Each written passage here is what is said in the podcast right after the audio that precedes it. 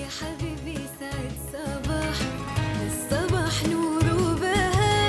يا حبيبي سعد صباح الصباح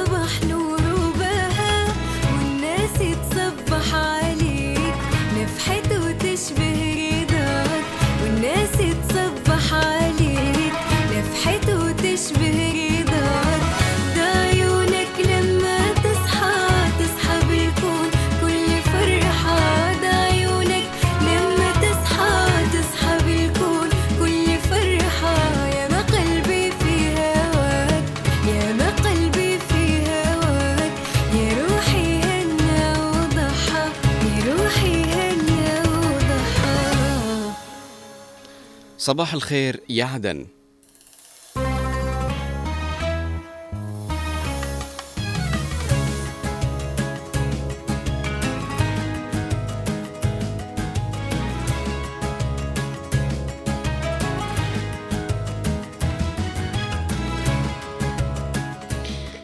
أسعد الله صباحكم أعزائي المستمعين. مستمعي إذاعة هنا عدن 92.9 وعلى كل من يشاهدنا على قناة عدن المستقلة. نتمنى لكم صباح جديد مشرق بالأمل والتفاؤل والصحة والعافية إن شاء الله.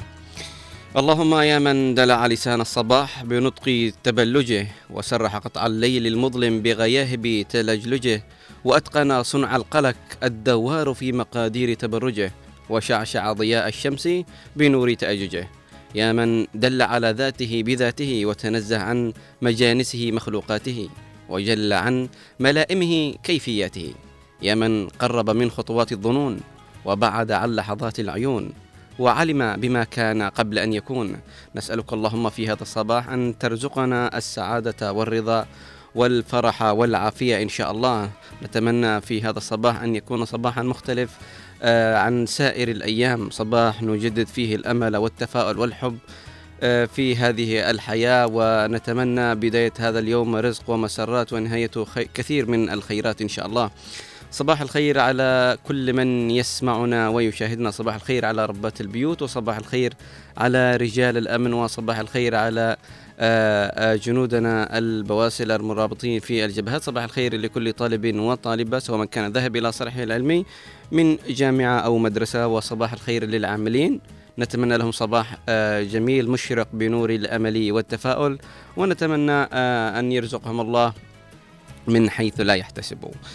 فدائما أعزائي المستمعين نبدأ صباحنا معكم آه، ونتمنى لكم صباح سعيد. من يسمعنا عبر إذاعة هنا عدن أو عبر شاشة قناة عدن المستقلة أو عبر تطبيق وموقع راديو جاردن أو عبر تطبيق إذاعة هنا عدن. نتمنى لكم صباح جميل وجيد وسعيد إن شاء الله.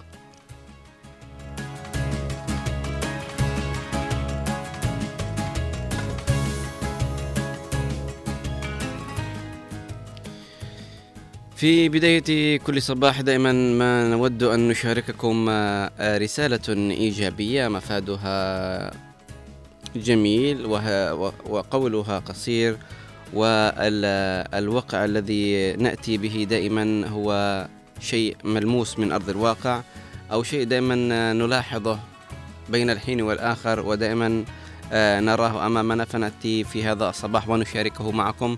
على وعسى أن يغير ولو الشيء البسيط فينا. آه، أعزائي المتابعين إذا كانت إذا كنت سأتحدث اليوم برسالة صباحية. سيكون مفادها هو احترام بعضنا البعض. هناك أشخاص يعني آه، نسوا شيء اسمه الاحترام. لقد سقط من قاموسهم معنى احترام الآخرين. آه، هناك بعض المواقف التي نمر بها قد آه، نغضب وننزعج. ونقول كلام ما بين الحين والآخر ونقول كلام لربما يجرح الآخرين. ولكن وجب علينا الاعتذار وجب علينا أن نقول آه، نحن متأسفون لما قمنا به. نحن آه، لم نكن نقصد بذاك الأمر لم نكن آه، نرى أن ذاك الحديث أو ذاك الفعل سي سيزعجك إلى تلك الدرجة. ننسى كل هذا. وأحيانا هناك أشخاص يعرفون أنهم غلطانين ببعض الأمور ببعض الأشياء ولكن عندهم ثقافة الاعتذار ثقافة أنه يقول آسف ثقافة أنه يقول آه، المعذرة مش موجودة عندهم. حتى إنه في ناس كبار آه، ربما منازل ناس آه، متعلمين ناس أكاديميين ناس مثقفين ما عندهم ثقافة الاعتذار. وبالنهاية إنك تعتذر هو ليس استنقاص من حقك ابدا. إنك تعتذر أنت معناه إنك غني عن ما حولك غني عن آه، آه، كل شيء. أنت تعتذر لوجه الله تعالى إنه أنت سويت شيء وأكيد أخطأت وأذنبت فيه وزعلت أحد. فأنت إذا اعتذرت وسامحك فأنت راحت منك هذه السيئة وكسبت حسنة لأنك اعتذرت. فإحنا لابد أن إحنا نكون السابقون السابقون السابقون اللي دائما يبدأوا كلامهم آه، أو اللي ينهوا الحديث بكلمة آسف أو أنا أعتذر أو يعني بالنهاية هي كلمة بسيطة ما بتستنقص شيء من قدرك ولا أي شيء وإنما تزيد وترفع مرتبتك عند ربنا سبحانه وتعالى. فإنك تعتذر معناه أنك إنسان كريم إنسان وجل إنسان آه، واثق من نفسه إنسان فاهم إيش لو إيش عليه. الاعتذار شيء جميل ومش شرط أنك تكون غلطان عشان تعتذر. مش شرط أنك تكون غلطان عشان تعتذر وتقول آسف. أحيانا كي تتلافى أو آه تتلافى المشكلة تتلافى وضع. أحيانا في بعضهم يعتذروا نيابة عن الآخرين. يا أخي أنا أعتذر نيابة عنه يا أخي هو صح غلطان وزعل وصح وكذا أنا بعتذر نيابة عنه مش مشكلة يا أخي. أنت أحيانا تمتص غضب كثير من الناس كثير من المواقف. قد لربما هذه المواقف تكبر لكن باعتذارك هذا تنهيها بشكل أسرع. فنتمنى يا رب إنه ثقافة الاعتذار لا تقتصر على إن إحنا بس بس نكون إحنا اللي غلطانين نعتذر. ففي بعضهم يعني غلطانين وعمرهم ما اعتذروا لكن إحنا نشتي نتعلم إنه إحنا لابد إن إحنا نعتذر سواء غلطنا أو ما غلطنا. غلطنا أوكي نعتذر لأنه وجب علينا إن إحنا نعتذر. وإذا ما غلطنا أحيانا نضطر إن إحنا نعتذر نيابة عن الأشخاص أو لكي نتلافى كثير من المشاكل وكثير من الأمور. هذه رسالتنا الصباحية لهذا اليوم. نتمنى لكم صباح جميل ومزهر آه، صباح في كثير من البركة وكثير من الخير إن شاء الله. خلونا نبدأ صباحنا ب آه، فاصل قصير ثم نبدأ برنامج صباح الخير يا عدن ودائما نبدأ برنامجنا بحاله الطقس لكن خلونا نروح الفاصل ونرجع لكم.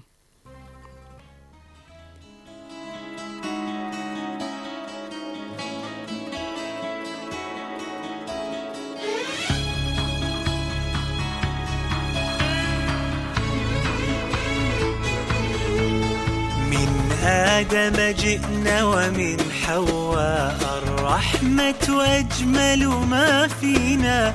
نعطف ونحب ونشتاق.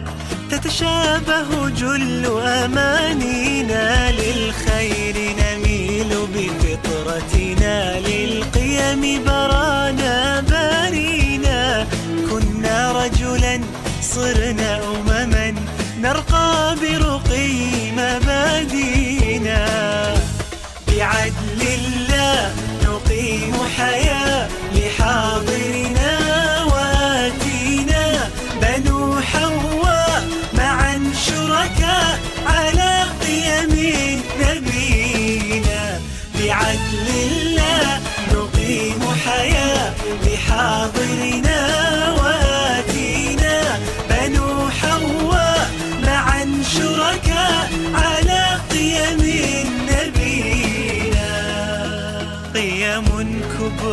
لما نعليها تعلينا.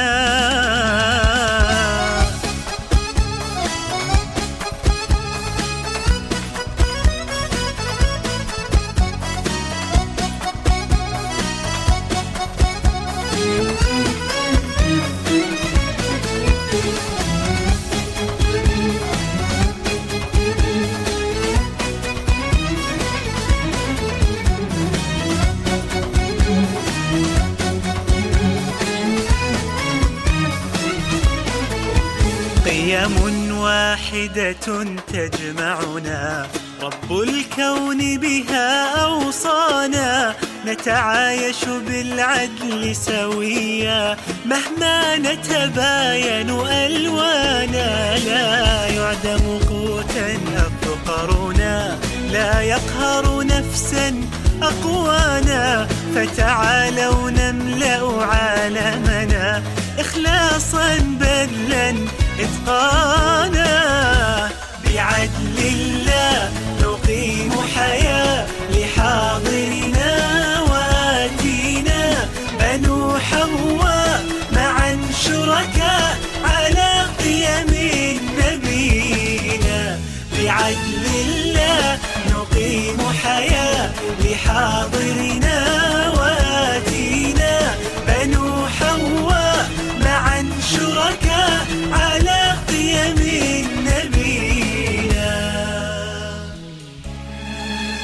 كالشمس تعيش ضمائرنا ونحب الفرحة لسوانا نتسابق والأكرم فينا. إنسان يبني الإنسان.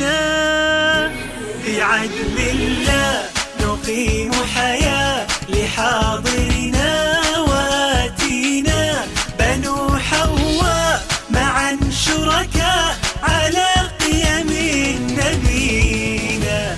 بعدل الله نقيم حياة لحاضرنا وآتينا بنو حواء معا شركاء على قيم نبينا.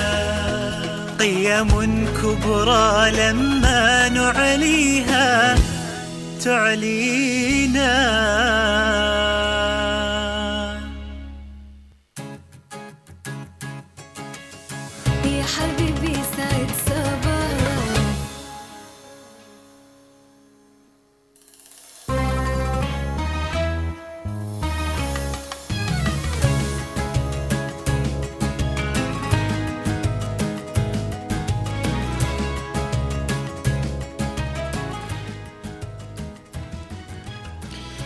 عدنا لكم مستمعينا الكرام أينما كنتم وكذلك مشاهدينا الأعزاء بعد هذه الافتتاحية الصباحية الجميلة بصوت حمود الخضر الذي دائما أناشيده آه، في غاية الروعة. دعونا نبدأ برنامجنا الصباحي ودائما نستهل برنامجنا الصباحي بحالة الطقس.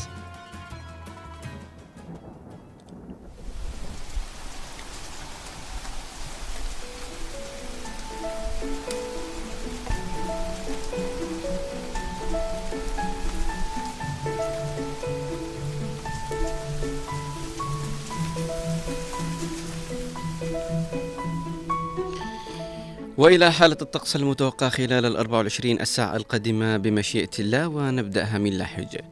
في لحج صباحا ستكون هناك غيوم متفرقة ودرجة الحرارة تبدأ ب 24 درجة مئوية ثم ترتفع ظهرا إلى 30 درجة مئوية مع طقس غائم جزئية أما عصرا ومساء وكذلك ليلا هناك غيوم متفرقة ودرجة الحرارة تتراوح ما بين 29 عصرا ثم تنخفض مساء إلى 27 وليلا تستقر عند 22 درجة مئوية.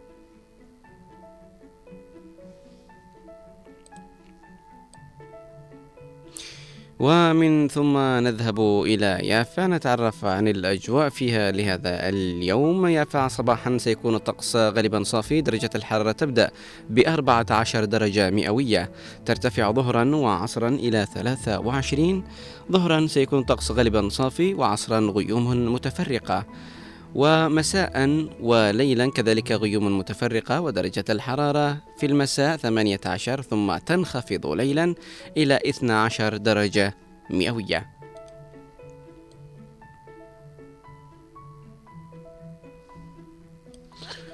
ونقول صباح الخير يا أبين ونذهب إلى أبين لنتعرف عن الأحوال أحوال الطقس هناك. صباحا غيوم متفرقة ودرجة الحرارة تبدأ ب 25 درجة مئوية.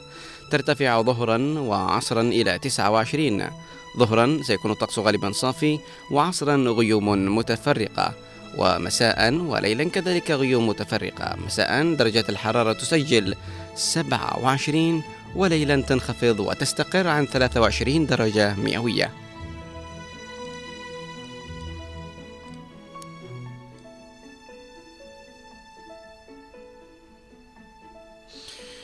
وننتقل إلى جزيرتنا الحبيبة سقطرى لنتعرف عن الطقس فيها لهذا اليوم. في سقطرى صباحا هناك غيوم متفرقة درجة الحرارة تبدأ ب 21 درجة مئوية. ترتفع ظهرا وعصرا إلى 23 مع غيوم متفرقة.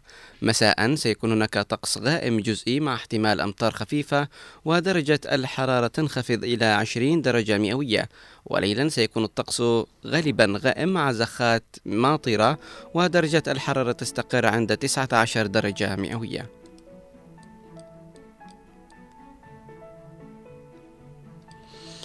ونذهب إلى الضالع لنتعرف عن الأجواء فيها لهذا اليوم. الضالع صباحا درجة الحرارة تبدأ ب 14 درجة مئوية وسيكون الطقس غالبا صافي ثم ترتفع ظهرا وعصرا إلى 22 مع غيوم متفرقة.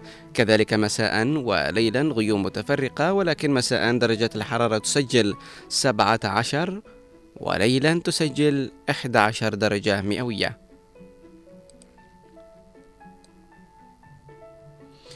ثم ننتقل إلى حضرموت. حضرموت صباحا درجة الحرارة تبدأ ب 22 درجة مئوية مع غيوم متفرقة. كذلك ظهرا غيوم متفرقة ودرجة الحرارة ترتفع إلى 27 عصرا كذلك درجة الحرارة 27 ولكن سيكون الطقس غالبا صافي. مساء وليلا غيوم متفرقة درجة الحرارة مساء تنخفض إلى 20 درجة مئوية وليلا تستقر عند 18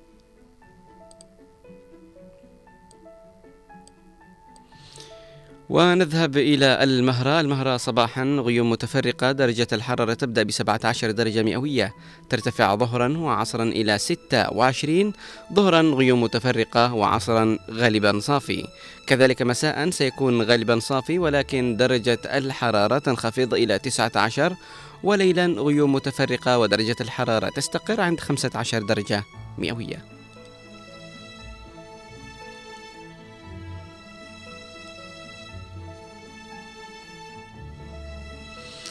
نذهب إلى شبوة لنتعرف عن الطقس هناك. شبوة صباحا غالبا صافي ودرجة الحرارة تبدأ ب 14 درجة مئوية. ترتفع ظهرا وعصرا إلى 23 مع غيوم متفرقة.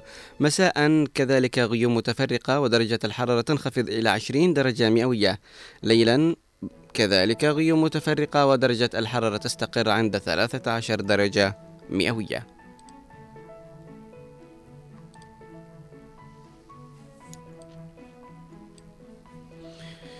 وأخيرا وليس أخيرا ننتقل إلى عاصمتنا الحبيبة عدن لنتعرف عن الطقس والأجواء فيها لهذا اليوم.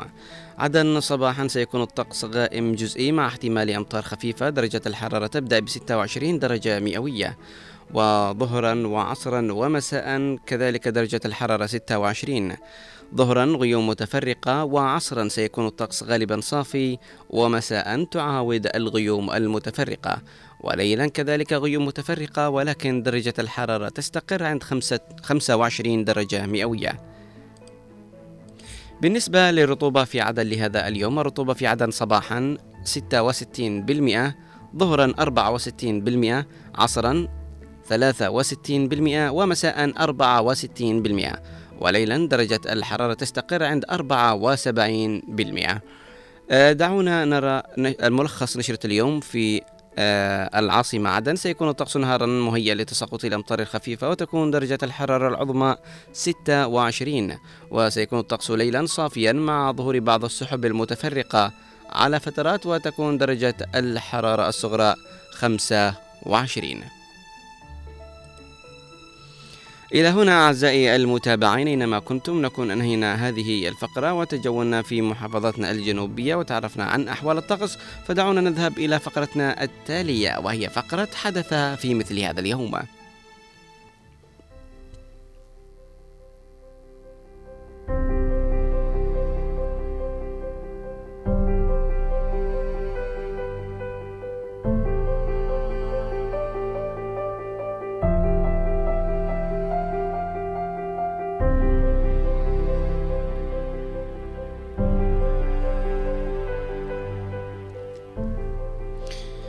في مثل هذا اليوم في الثامن من يناير.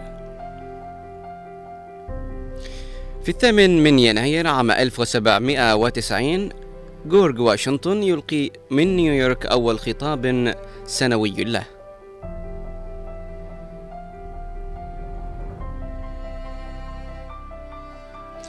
وفي مثل هذا اليوم عام 1838 أول إرسال أول رسالة تلغراف باستخدام النقاط والخطوط في نيوجيرسي بالولايات المتحدة.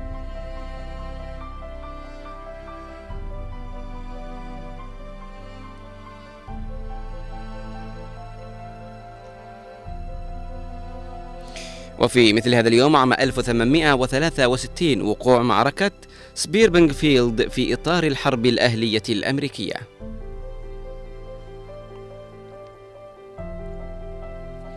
وفي مثل هذا اليوم عام 1892 عباس حلمي الثاني يتولى حكم مصر خلفا لوالده الخديوي توفيق الذي توفي في اليوم السابق.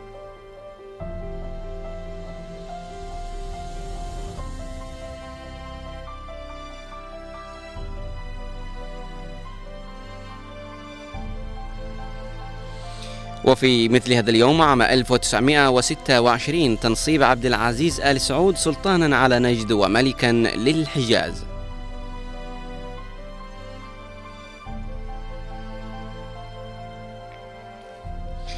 وفي مثل هذا اليوم في الثامن من يناير إصدار أمر الكشف عن الحجاب في إيران من قبل رضا بلهوشة في البلاد عام 1800 أو 1936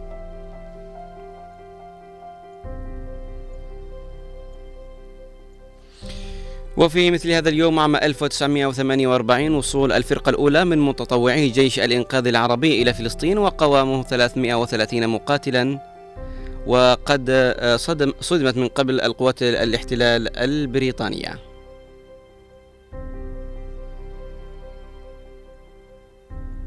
وفي مثل هذا اليوم عام 1958 قوات الثورة الكوبية تسيطر على العاصمة هافانا.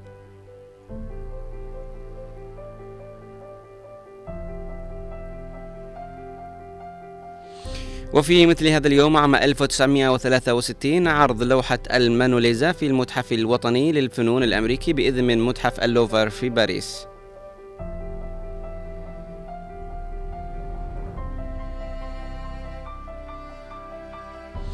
وفي مثل هذا اليوم في الثامن من يناير عام 1978 الحكومة الإسرائيلية تصوت لصالح ترسيخ الاستيطان في شبه جزيرة سيناء المحتلة.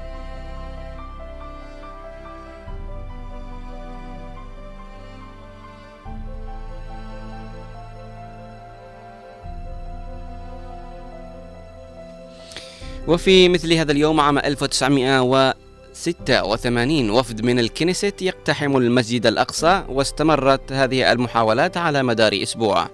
وكذلك من نفس اليوم وبنفس السنة الرئيس الأمريكي رونالد ريغن يجمد أرصدة ليبيا في الولايات المتحدة.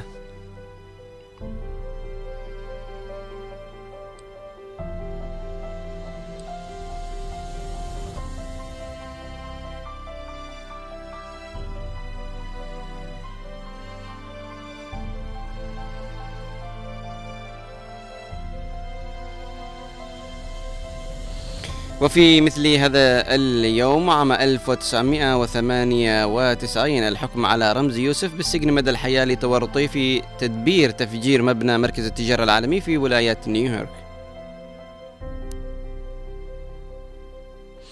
وفي مثل هذا اليوم عام 2009 مجلس الأمن الدولي يتبنى القرار رقم 1860 الداعي إلى وقف فوري لإطلاق النار في قطاع غزة يليه انسحاب كامل للقوات الإسرائيلية وذلك لإيقاف الحرب الإسرائيلية على القطاع.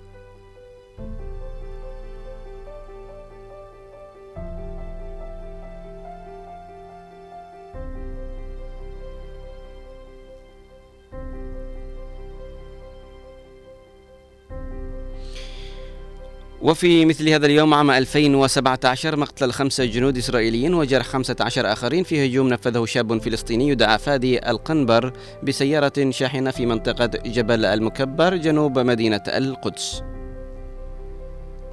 كذلك في نفس اليوم وفي نفس السنة عام 2017 فيلم لا لا لاند يحقق رقما قياسيا كأكثر فيلم فوزا بجائزة الجولدن جلوب آه، بفوزه بجميع ترشيحاته السبعة في حفل توزيع جوائز الجولدن جلوب الرابع والسبعين. ومن مواليد هذا اليوم.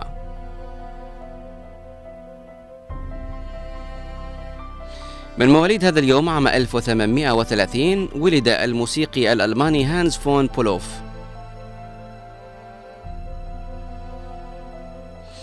ومن مواليد هذا اليوم كذلك عام 1866 ولد السياسي الأمريكي ويليام غوستوفوس كولوني.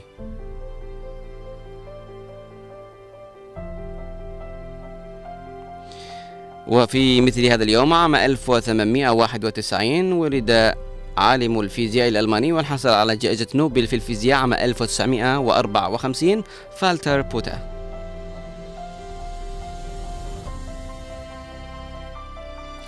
ومن مواليد هذا اليوم عام 1928 ولدت المغنية المصرية شهرزاد.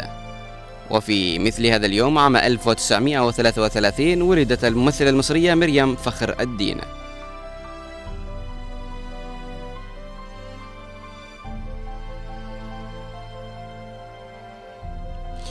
ومن مواليد هذا اليوم عام 1983 ولد زعيم كوريا الشمالية كيم جونغ أون.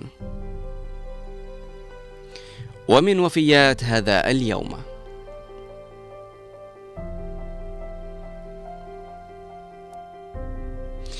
من وفيات هذا اليوم توفي متري نعمان كاتب ومسرحي وشاعر وناشر ومترجم لبناني.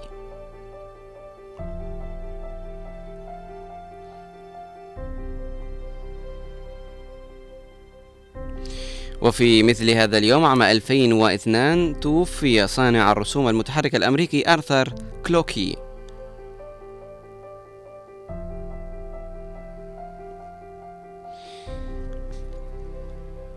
وفي مثل هذا اليوم عام 2016 توفي الممثل المصري حمدي أحمد.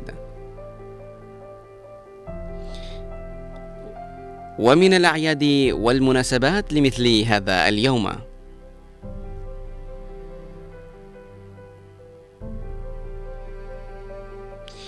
يوم الكومنولث في جزر ماريانا الشمالية ويوم الكومنولث هو مناسبة سنوية للاحتفال بتحالف دول الكومنولث ويكون عادة في ثاني يوم يوم اثنين من مارس في إنجلترا حيث عادة يحضر الاحتفال بهذا اليوم الملكة إليزابيث الثانية ورئيسة الكومنولث مع الأمناء العامين ومفوضي حلف الكومنولث في لندن. تقوم الملكة بإلقاء كلمة للتعريف بالكومنولث آه، تبث عبر العالم.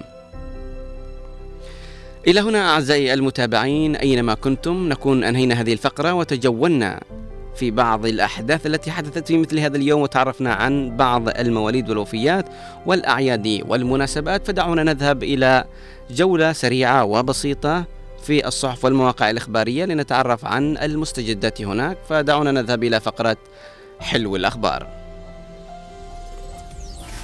أنتم على أثير هنا. هنا. هنا. هنا, هنا عدن إف إم. 92.9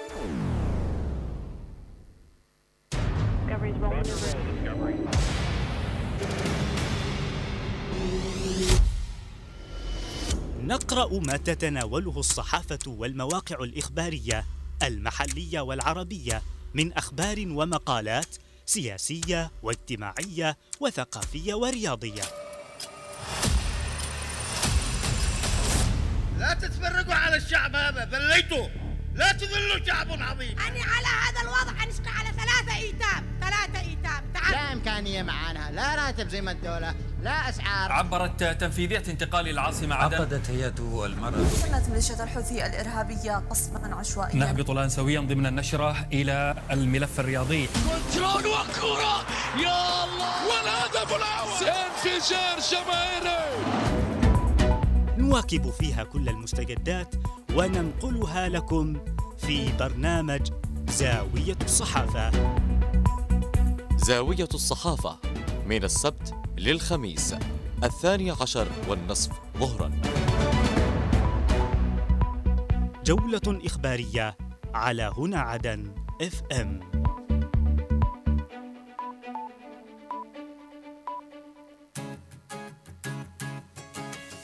يا حبيبي سعد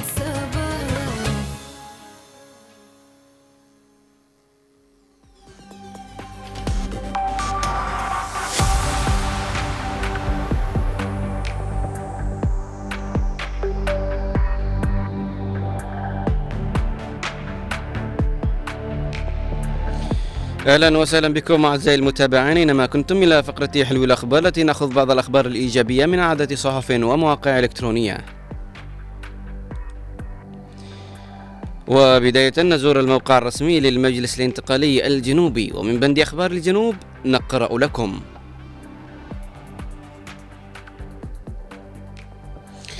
اتحاد الحرفيين الجنوبيين بمحافظة أبيان يكرم رئيس تنفيذية انتقالي المحافظة.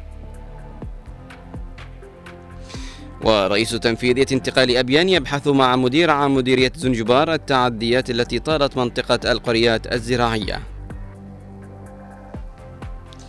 رئيس تنفيذية انتقال لحج يزور مؤسسة أبرار الخير التنموية لأطفال التوحد.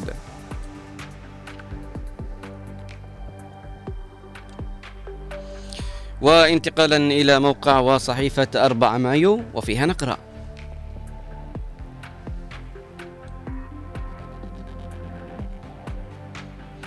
الكثير يعزي في وفاة الإعلامي والإذاعي المخضرم علي السقاف. افتتاح المركز التدريبي للبرنامج الوطني للتحصين بعد إعادة تأهيله وتجهيزه بالعاصمة عدن.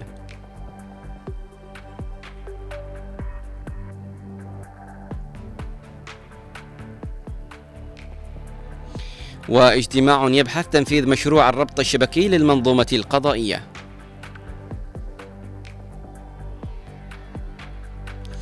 مكتب الشؤون الاجتماعية يناقش إمكانية تنفيذ حزمة تدخلات إنسانية في لحجة.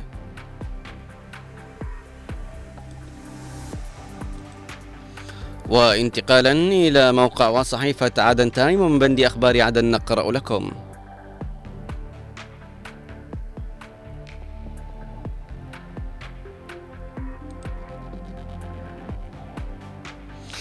رئيس الاتحاد العام لنقابات عمال الجنوب يصرح اختيار عوبلي لقيادة اتحاد النساء تتوج تتويج لنضالها الميداني في ساحات الحراك الجنوبي.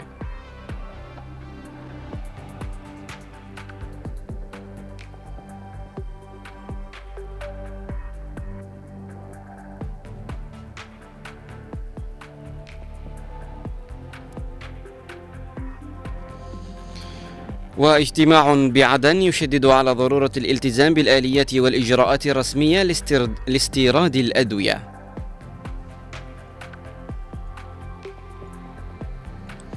ولأول مرة في عدن تدشين التعامل الإلكتروني في الضرائب والواجبات.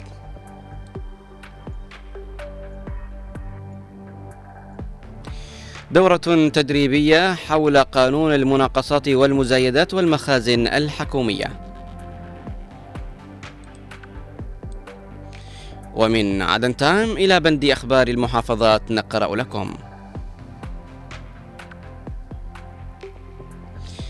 الحالمي يشدد على ضرورة الاهتمام بالمواقع الأثرية في لحج.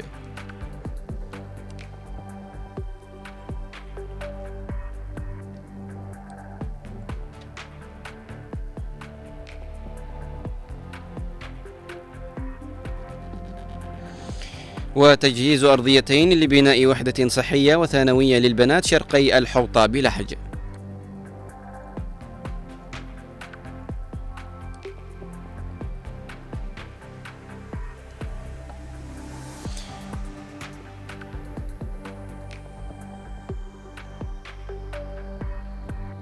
وتدشين صرف البطائق الشخصية البدائل للمواطنين بلهج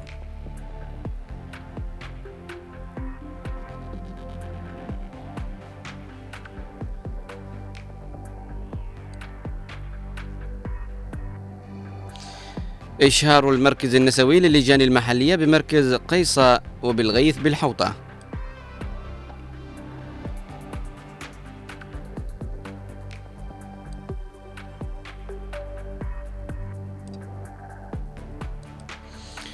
وانتقالا إلى درع الجنوب الموقع الرسمي للقوات المسلحة الجنوبية نقرأ لكم.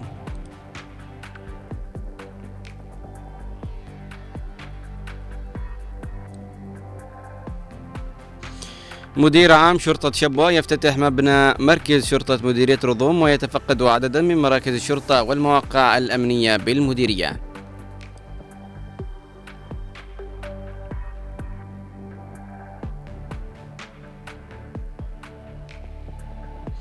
أمن أبيان يعلن تفكيك 21 لغما مضادا للدروع بالقرب من وادي النسيل.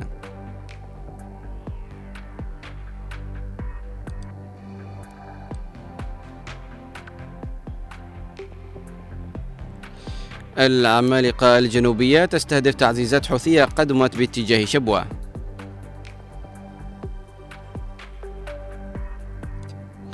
إلى هنا أعزائي المتابعين أينما كنتم نكون أنهينا آه،.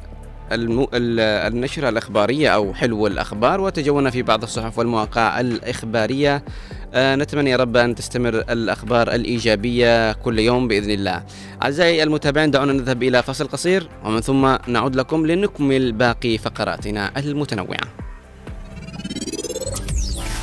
أنتم على أثير أنتم على أثير. هنا هنا هنا هنا, هنا. عدن إف إم. 92.9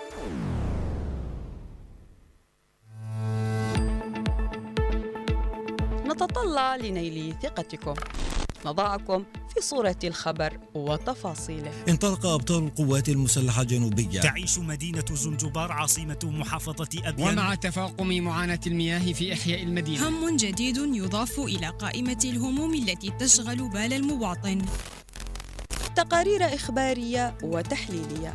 مركز الطوارئ التوليدية الشاملة. إلى الشعيب مرة أخرى. ستة شهداء رووا الأرض بدمائهم الزكية. مفارقين عائلتهم لجرح لا يندمل. نجسد المهنية الموضوعية والدقة هي السبق في تقارير الأخبار. تقارير الأخبار من السبت إلى الخميس في تمام الساعة السادسة مساء.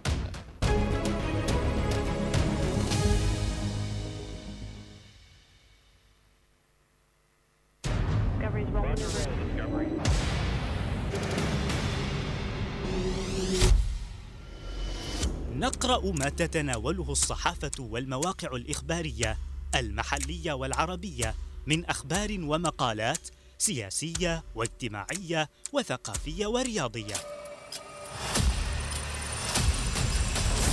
لا تتفرقوا على الشعب هذا ذليتوا لا تذلوا شعب عظيم. أنا على هذا الوضع أنشقى على ثلاثة إيتام. ثلاثة إيتام. تعال. لا إمكانية معانا. لا راتب زي ما الدولة. لا أسعار. عبرت تنفيذية انتقال العاصمة عدن. عقدت هيئة المرأة. شنت ميليشيا الحوثي الإرهابية قصفا عشوائيا. نهبط الآن سويا ضمن النشرة إلى الملف الرياضي. كنترول وكرة! يا الله! والهدف الأول! انفجار جماهيري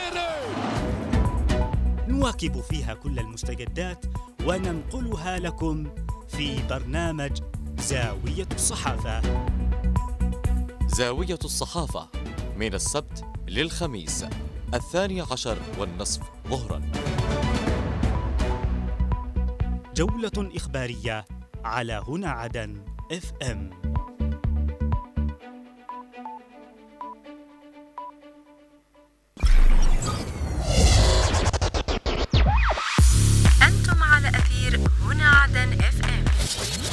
هنا عدن اف ام 92.9 اف ام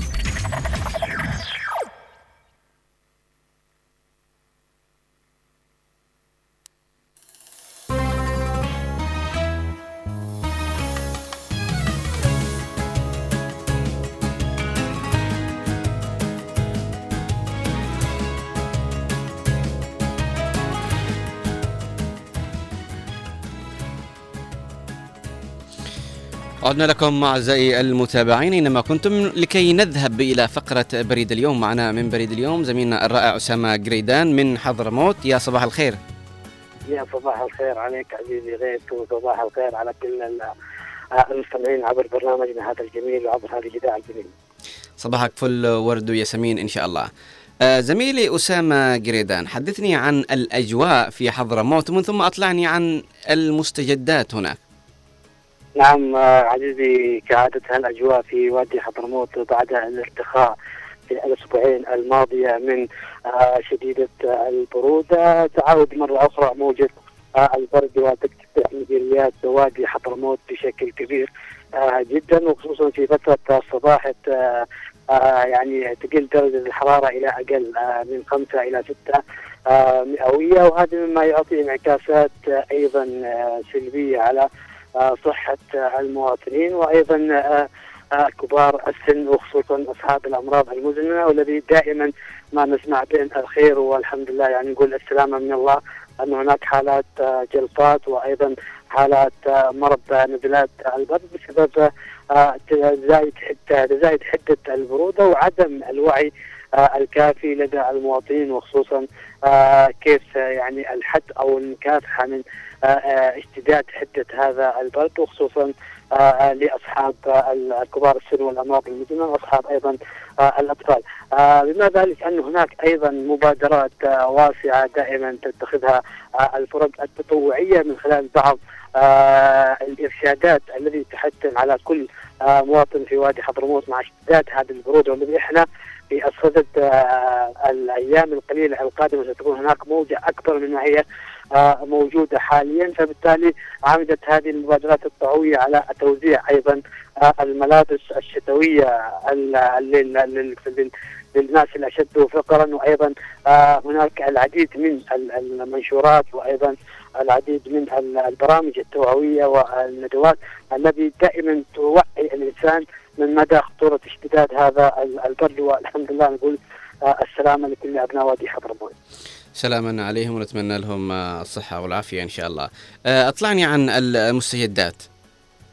نعم زميلي ما بين الحين والآخر هناك موجات آه، غضب تتصاعد بإزاء آه، الانتهاكات التي تمارسها القوى اليمنيه أو ما يسمى ال- ال- الفئة النازحه آه، الذي أتت إلى حاضرة وادي حضرموت سيئون من استخدامها للاسلوب المستفز لأبناء هذه المدينة وأيضا سرعة السرعة الجنونية لبعض السيارات ودهس بعض المواطنين وكان آخرها حصل قبل الأمس آه، من آه، دهس آه، لولد يبلغ من العمر 17 سنة ووالده كان عائدان من مكان عملهم إلى منزلهم ولكن آه، طالتهم أيادي الإهمال أو أيادي آه، التهور والسرعة آه، الجنونية التي تنتهجها هذه ال- ال- القوى المحتلة في وادي حضرموت من غير وعي كافي وأيضا هذا يعتبر آه، من نوع اللامبالاة من قبل هذه الفئة النازلة آه، التي دائما تستخدم هذه الأساليب المستفزه في خطوط وشو- وشوارع مدينة آه، سيئون من خلال التفاحيط وأيضا من خلال آه، زيادة سرعة آه، ال- ال- ال- المشي في آه، الخطوط والشوارع العامة المكتظة بالمواطنين والسيارات الكثيرة. آه، ليست هذه الأولى كما كانت هناك يعني حوادث كثيرة سابقة ولكن هذه الذي أخذت آه، الرأي العام كونها آه، يعني آه، حادثة مؤلمة وحادثة شنيعة جدا آه، يعني آه، كانت يعني يكون لها آه، يعني أثر كبير آه، سلبي في وجيه المواطنين وخصوصا أن العائلة دائما آه، يعني ال- ال- ال- ال- أو الضحية أصبحت عائلة آه، بشكل كامل أم وولد في يوم جمعة ويوم مبارك ويوم يعني يلتم فيه الأهل على أنه شاء الاقدار وشاء الله آه، أن يجعلهم من آه، ال- ال- الشهداء وأيضا أن يجعلهم من رحمته. آه، هذا هو الغضب العارم الذي دائما آه، يعني يسطع ما بين حين وآخر من خلال تلك هذه الاستفزازات ناهيك أيضا عن آه، الخدمات المستمرة في وادي حضرموت وتردي هذه الخدمات آه، إلى الاسوء بأكثر من آه، قبل بحيث إنه الآن أصبح انقطاع التيار الكهربائي آه، خصوصا آه، مع هذا الشتاء ومع هذا الجو البارد الذي اعتاد دائما آه، في المواسم الماضية أبناء وادي حضرموت أن تكون الكهرباء مستمرة ولكن هذا العام وهذا آه نعم هذا العام وهذا الم- ال- ال- ال- ال- المرة لا يعني انعكست بشكل كبير جدا. آه، اصبح حتى تلاعب في الانطفاء يعني ليست هناك برنامج مزمن ما بين حين آه، وآخر. بالإضافة أن هناك أيضا آه، انعدام للمشتقات النفطية آه، في وادي حضرموت منها مادة البترول. آه، تعتبر هي مادة أساسية يستخدمها أبناء وادي حضرموت في الكثير من ال- ال- ال- السيارات وأيضا الدراجات النارية. آه، بالإضافة انه ازدياد سرعها إلى ما يقارب آه، ال 1350 للتر آه، الواحد بما يعادل أكثر من 27 ألف لسعة الدبة آه، 20 لتر. فهذه كلها عبارة عن استفزازات يتخذها الم- المحتل وأيضا القوى اليمنية بشكل عام لأخضاع إرادة حضرموت وأيضا إخضاع آه، القوة التي دائما تطالب بالحق في وادي حضرموت. ومع ذلك أبناء وادي حضرموت آه، هم يعني تأهبوا لانطلاق آه، غضب وثورة عارمه باجتاح هذا الفساد وأيضا آه، تقلع هذا الفساد سواء كان آه، في المؤسسات آه، الدولية أو في الجهات الأمنية أو بشكل عام على مستوى المحافظة ويعتبر يعني هذه وادي حضرموت هي المحافظة التي المفترض أن تكون هي محافظة آه، مستقرة، محافظة آمنة، محافظة آه، تتمتع بخيراتها وثوراتها لكن للأسف دائما آه، المحتل لا يريد لأبناء وادي حضرموت أن تكون لهم هذه المكانة ويعمل ما بين حين وأخرى من خلق ال- ال- الأزمات المفتعلة وأيضا بعض ال- ال- الأشياء التي دائما ما تعطل سير ال- ال- العمل الأمني واختلالات ال- العمل الأمني في وادي حضرموت. وكل هذا للأسف أمام مرأة أمام ال- التحالف العربي وأيضا أمام مرأى الحكومة بشكل عام آه، ولكن لا تحرك ساكنا بإزاء أنه آه، الاستمرار في العقاب الجماعي لمحافظة حضرموت آه، بتعمد وبتوجيهات من القوى المحتلة لكسر إرادة حضرموت. ولكن هيئات أبناء حضرموت دائما هم صامدين في وجه كل من هو يحاول العبث سواء كان بالأمن أو بالخدمات. وبإذن الله آه، من خلال الدعوات للتصعيد من قبل شباب الغضب وأيضا من قبل قبائل وأبناء محافظة حضرموت بكل شرائحهم وانتماءاتهم الحزبية والسياسية سيوقفون وقفة رجل واحد في مواجهة هذا الفساد واستحقاق الحق لأبناء حضرموت بإذن الله. من خلال خروجهم في التظاهرات وأيضا الوقفات الاحتجاجية التي سوف تجدد بهذا الشيء آه، حتى توصل الرسالة بشكل أوسع. بإذن الله تعالى نتمنى لكم يا رب التوفيق والنجاح ونتمنى الأوضاع ال- ال- ال- في البلد هذه تستقر وتكون إلى الأحسن إن شاء الله. شكرا لك زميلي أسامة قريدان. يا مرحبا شكرا. في أمان الله ونتمنى لك نهار سعيد. أعزائي المتابعين أينما كنتم بعد أن تعرفنا عن الأخبار في محافظتنا آه، محافظة حضرموت والمستجدات. طبعا الكهرباء هي مشكلة لا تعاني فقط منها حضرموت بل تعاني منها ال- المحافظات الجنوبية. إضافة إلى انه آه، مشكلة السرعة الذي تحدث عنها هي مشكلة كبيرة جدا والنهن والقيادة بتهور. هذا أمر خطير جدا. آه، آه، وبالنسبة للبلد عندهم الحمد لله في عندهم بلد. عندنا إلى الآن في عدن نعتبر المحافظة الوحيدة. إلى الآن اللي آه، بردها أو درجة حرارتها ما تزال يعني أدناها 25 درجة مئوية خلاف باقي المحافظات التي قد تصل إلى 15 أو 13 آه، درجة مئوية ولكن الحمد لله نتمنى أنه يعني طالما أنه الدنيا برد مفروض الكهرباء تلصق أكثر من المفترض. لكن آه، الحمد لله على كل حال. أعزائي المتابعين آه، بقي لدينا فقرة ألا وهي الفقرة الرياضية. دعونا نذهب إلى الفقرة ولكن قبل أن نذهب نقول صباح الخير كابتن. صباحك ورد وفل ياسمين. طبعا غيث نوار المدني أحمد محفوظ الاحبه في عدن صباحك عافية ورضا إن شاء الله. إذا نوار دعنا نذهب إلى فقرتنا الرياضية.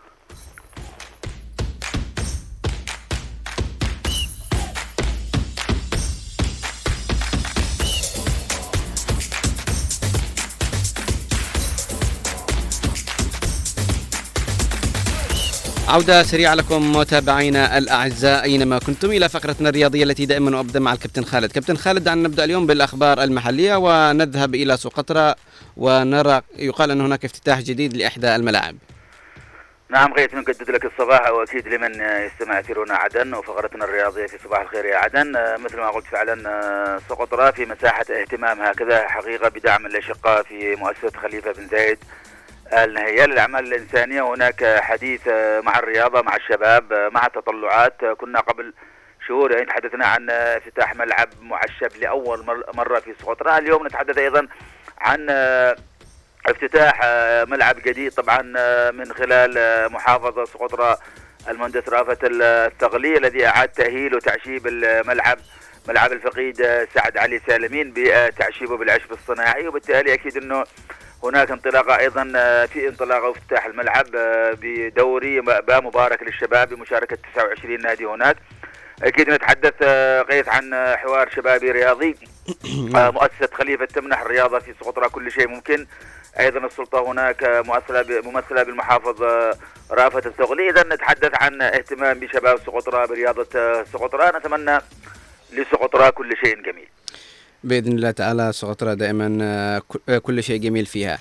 كابتن دعنا نذهب إلى ال- الفريق نادي القطن عندما حقق فوزا ثمينا على نادي الاتحاد. نعم نتحدث عن كأس حضرموت آه، 2005 نتحدث عن شباب نتحدث عن آه، اقتراب آه، المواعيد من الختام نتحدث عن أنه نادي شباب القطن أمس حقق فوز ثمين على فريق نادي اتحاد سيئون بهدف آه، آه، بهدفين لهدف وبالتالي المباراة كانت أقيمت عصر الأحد على أستاد سيئون وبالتالي يتأهل فريق شباب القطن إلى آه، نهاية ال- ال- البطولة. طبعا ليلتقي مع الفائز من مباراة هلال السويري القادمة. أكيد أنه حوار كرة القدم في حضرموت آه، جميل آه، متميز. نحن أيضا سنتابع المتابعة بتفاصيل المشهد لكل ما يرتبط برياضة حضرموت ورياضة الجنوب. نعم. إلى دوري شهداء ردفان والجنوب. نعم دوري مستمر. كنا تحدثنا أمس عن أولى مباريات دور ال 16 ثمن النهائي لشهداء لدوري شهداء ردفان الجنوب هناك. أمس أيضا أقيمت ثاني مباريات هذا الدور بين فريقي اتحاد الجنوب وحالمين. حالمين وفريق ال- الشقاء. انتهت المباراة لصالح الشقاء بركلات الترجيح بأن تعادل الفريقين بهدفين لهدفين. حديث جميل مع الوفاء من بوابة كرة القدم. سنتابعه في قادم الأيام. بإذن الله تعالى. نذهب إلى الأخبار العالمية كابتن ونذهب إلى الدور الثالث من كأس الاتحاد الإنجليزي. نعم غيث مثل ما تحدث أنا وأنت أمس إنه ال- القرعه بكل أسف آه، جاءت بفريقين كبيرين آه، أرسنال آه، ليفربول على ملعب الإمارات أمس مباراة كبيرة بكل المعطيات فريقين كبيرين تطلعات كل فريق يريد شيئا من المباراة الأمر تحقق لليفربول الذي فاز بهدفين نظيفين طبعا كان جاكوب سجل هدف عكسي قبل أن يضيف طبعا لويس دياز الهدف الثاني وبالتالي ليفربول يزيد من مصاعب أرسنال يخسر في الدوري ويغادر أيضا كأس الاتحاد الإنجليزي. آه، ليفربول طبعا لعب في غياب صلاح و آه، فان دايك وبعض اللاعبين ومع ذلك أستطاع كلوب أن يضع آه، نقول هكذا تكتيك مناسب ليفوز بالمباراة. على نفس المنوال أيضا تأهل أمس مان سيتي إلى الدور أيضا الرابع من نفس البطولة بعد ان فاز أيضا على هيدرسفيلد بخمسة أهداف. كان أجمل ما في المباراة أنه شاهدنا عودة ال- ال- ال- ال- النروي حقيقة البلجيكي الكبير حقيقة كيفن دي بروين الذي عاد للمباراة بعد غياب طويل عن المباريات بسبب الإصابة؟ نعم آه، كابتن خالد دعنا نذهب إلى دوري الهواة. نعم طبعا هو أمس آه، فريق باريس سان جيرمان آه، طبعا غيث حقق فوز على فريق ريفيل الذي يشارك طبعا في آه، بطولة كأس فرنسا وهو فريق من الهواة يعني خالي من المحترفين. أكيد إنه كانت المباراة سهلة لباريس سان جيرمان من باب تالق بهاتريك والزملاء سجلوا باقي الأهداف لكن في الأخير إنه باريس يتأهل كما جرت العادة للدور القادم في كأس آه، فرنسا. نحن حديث مستمر في الأيام القادمة مع كل ما يرتبط بالكرة الفرنسية. نعم. آه، آه، نذهب إلى دور آه، الثاني والثلاثين لبطولة كأس ملك إسبانيا. نعم أبرز المباريات كانت آه، أمس آه، برشلونة الذي حل ضيفا حقيقة أمس على فريق شبه مغبور يعني باربا ستارو مساء الأحد في الدور 32 آه، فوز صعب لبرشلونة. يؤكد إنه برشلونة لا في مساحة جيدة مع النتائج وقدرته على ترتيب أوضاع لكن في الأخير تأهل آه، برشلونة بصعوبة بثلاثه أهداف آه، لهدفين. كانت سجلت أهداف برشلونة من خلال فيرمين لوبيز ورافينيا وليفاندوفسكي وبالتالي آه، برشلونة إلى الدور القادم بكأس ملك أسبانيا. نعم آه، كابتن. آه، كابتن دعنا نذهب إلى انتزاع اليوفنتوس فوزا آه، آه، على آه، ساليرنيتانا نعم آه، قيد فعلا الفوز على ساليرنيتانا أمس آه، منح اليوفنتوس ثلاث نقاط مهمة. فوز بشق الأنفس طبعا آه، ماجوبو هدف كان سجل هدف ساليرنيتانا في الدقيقة 39 اليوفنتوس عادل النتيجه في الدقيقة طبعا 65 من خلال جونيور لكن أيضا فلايوفيتش كان خطف هدف الفوز في الوقت القاتل ما بعد ال- الوقت الأصلي. وبالتالي اليوفنتوس يواصل الضغط على إنتر ميلان 46 نقطة نقطتان فقط ما يفرقوا عن إنتر ميلان. أكيد إنه في باقي المباراة أمس نابولي. نابولي ما زال محير. نابولي في وضع سيء جدا. نابولي البطل في النسخة الماضية أمس خسر في ملعب تورينو بثلاثة أهداف آه، نظيفة. وبالتالي آه، ما الذي يحصل لنابولي؟ أكيد انه الأمر آه، غريب جدا. لفريق كان حقق البطولة قبل شهور. وبالتالي أيضا نابولي يسقط بهزيمة جديدة. يتوقف رصيده عن 28 نقطة فقط بفارق ما يقارب آه، 26 أو آه، 16 نقطة على المتصدر. وبالتالي في باقي المباراة أمس أيضا كان تعادل إيجابي كان ما بين أتلانتا آه، وروما أكيد نحن سنواصل المتابعة والحديث في الدوري الإيطالي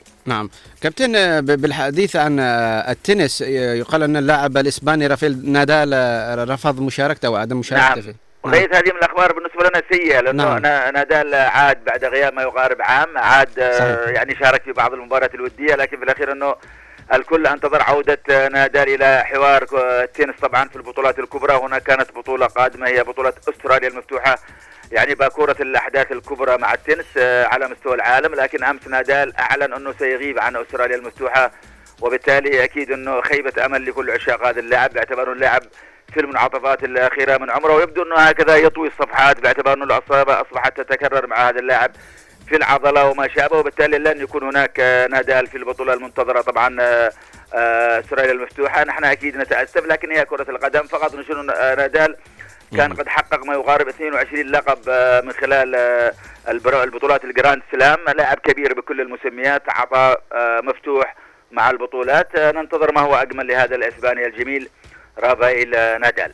نعم هل هناك مباريات لهذا اليوم؟ مباراة وحيدة طبعا لدينا غاية اليوم في كأس الاتحاد الإنجليزي. عشاق مانشستر يونايتد بأمنيات أن يذهب على الفريق آه، إلى شيء مختلف بعد أن عانى في الدوري. آه، مانشستر يونايتد في الحادي عشر والربع توقيت الحبيبة عدن سيحل ضيفا على ويجن اتلتيك سنتابعها سنتابع المعطيات. شكرا غيث آه، شكرا نوار المدني وشكرا لكل من استمع الفقرة الرياضية في صباح الخير يا عدن. في أمان الله كابتن. في أمان الله. نتمنى لك نهار سعيد. أعزائي المتابعين أينما كنتم آه، بعد أن انهينا فقرتنا الرياضية ما زال في جعبتنا موضوعنا لهذا اليوم.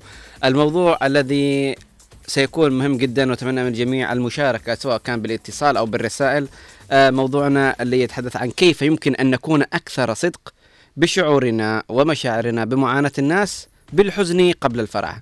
كيف يمكن أن نكون أكثر صدق بشعورنا بمعاناة الناس بالحزن قبل الفرح؟ موضوع ممتاز جدا موضوع شيق جدا. لابد أن إحنا نتحدث فيه ونعطي آراءنا ونعطي آه كلامنا لربما نفيد الآخرين أو لربما نحث الآخرين على أعمال لم يفكروا في يوم من الأيام أنهم يسووها. فكونوا معنا آه، في موضوعنا لهذا اليوم ونكون مشاركين ونخرج بخلاصة ممتازة وحديث شيق بإذن الله تعالى. خلونا نذهب الفاصل ومن ثم نعود لكم. نسمات هواك لها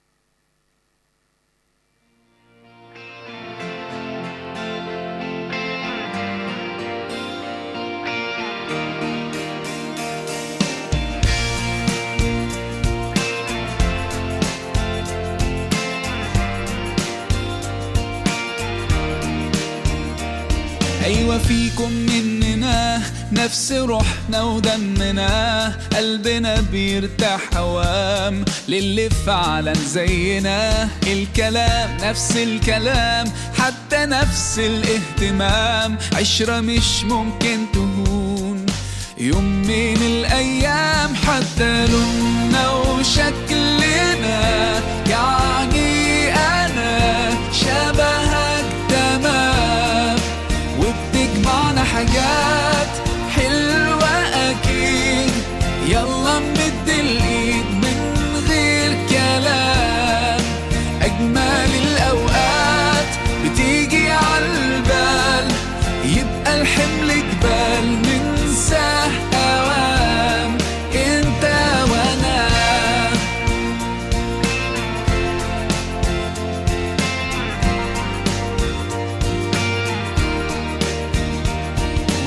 ناس بترتاح لك ساعات ياخدوا قلبك من سكات يخطفوك من غير كلام. أصل فيك منهم حاجات وفي حياتك معدودين. اللي بكرة مكملين ده أنتوا وقت الاختلاف.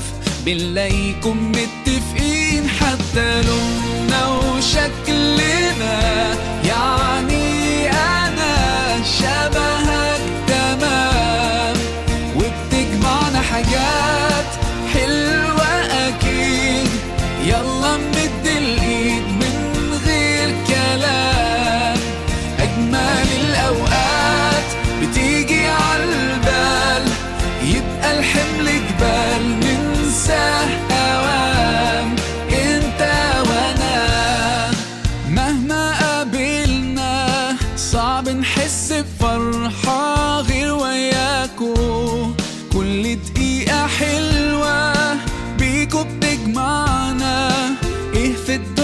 يساوي لحظة معاكو.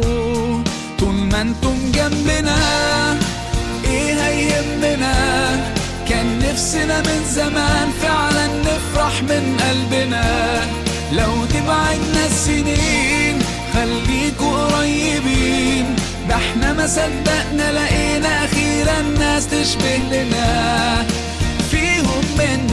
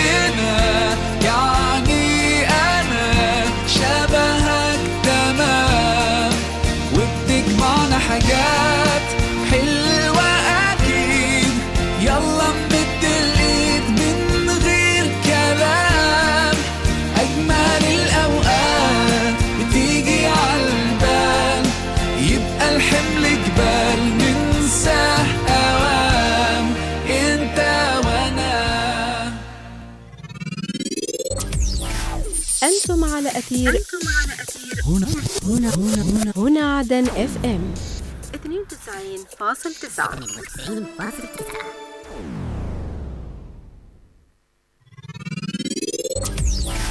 أنتم على أثير.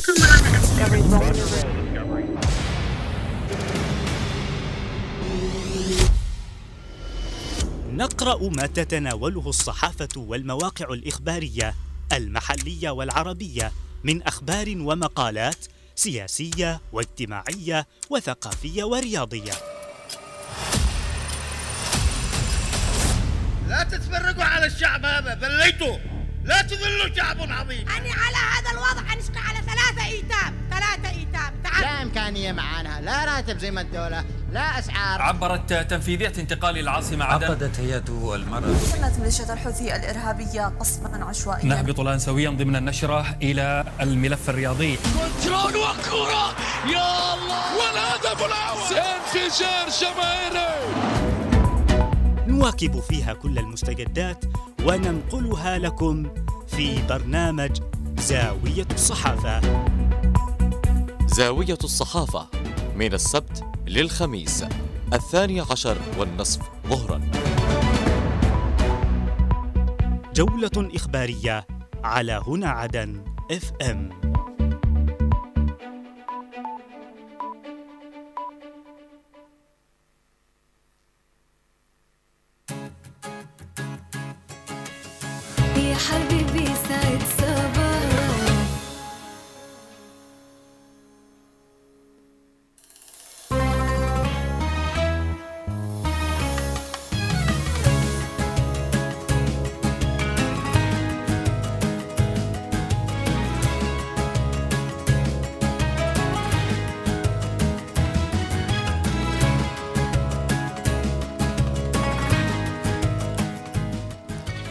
عودة سريعة لكم أعزائي المتابعين. من مستمعين ومشاهدين عدنا لكم في موضوعنا لهذا اليوم. سواء من كان يسمعنا عبر إذاعتنا عدن 92.9 أو عبر قناة عدن المستقلة أو عبر تطبيق وموقع راديو جاردن أو عبر تطبيق إذاعة هنا عدن.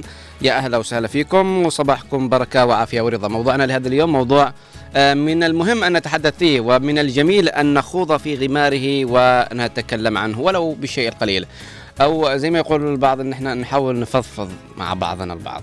طيب موضوعنا هو كيف يمكن أن نكون أكثر صدق بشعورنا أو آه، شعورنا بمعاناة آه، الآخرين، معاناة الناس بالحزن قبل الفرح.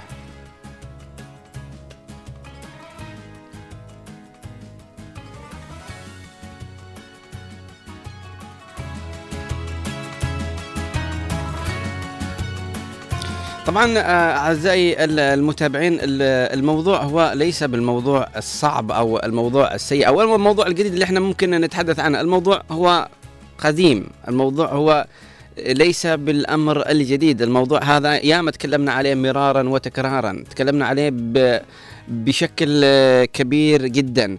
آه، موضوع إنه كيف إحنا ممكن نشعر بمعاناة الناس معاناة الآخرين. أوكي إحنا عارفين إنه إحنا قد نكون مع ناس جنبهم.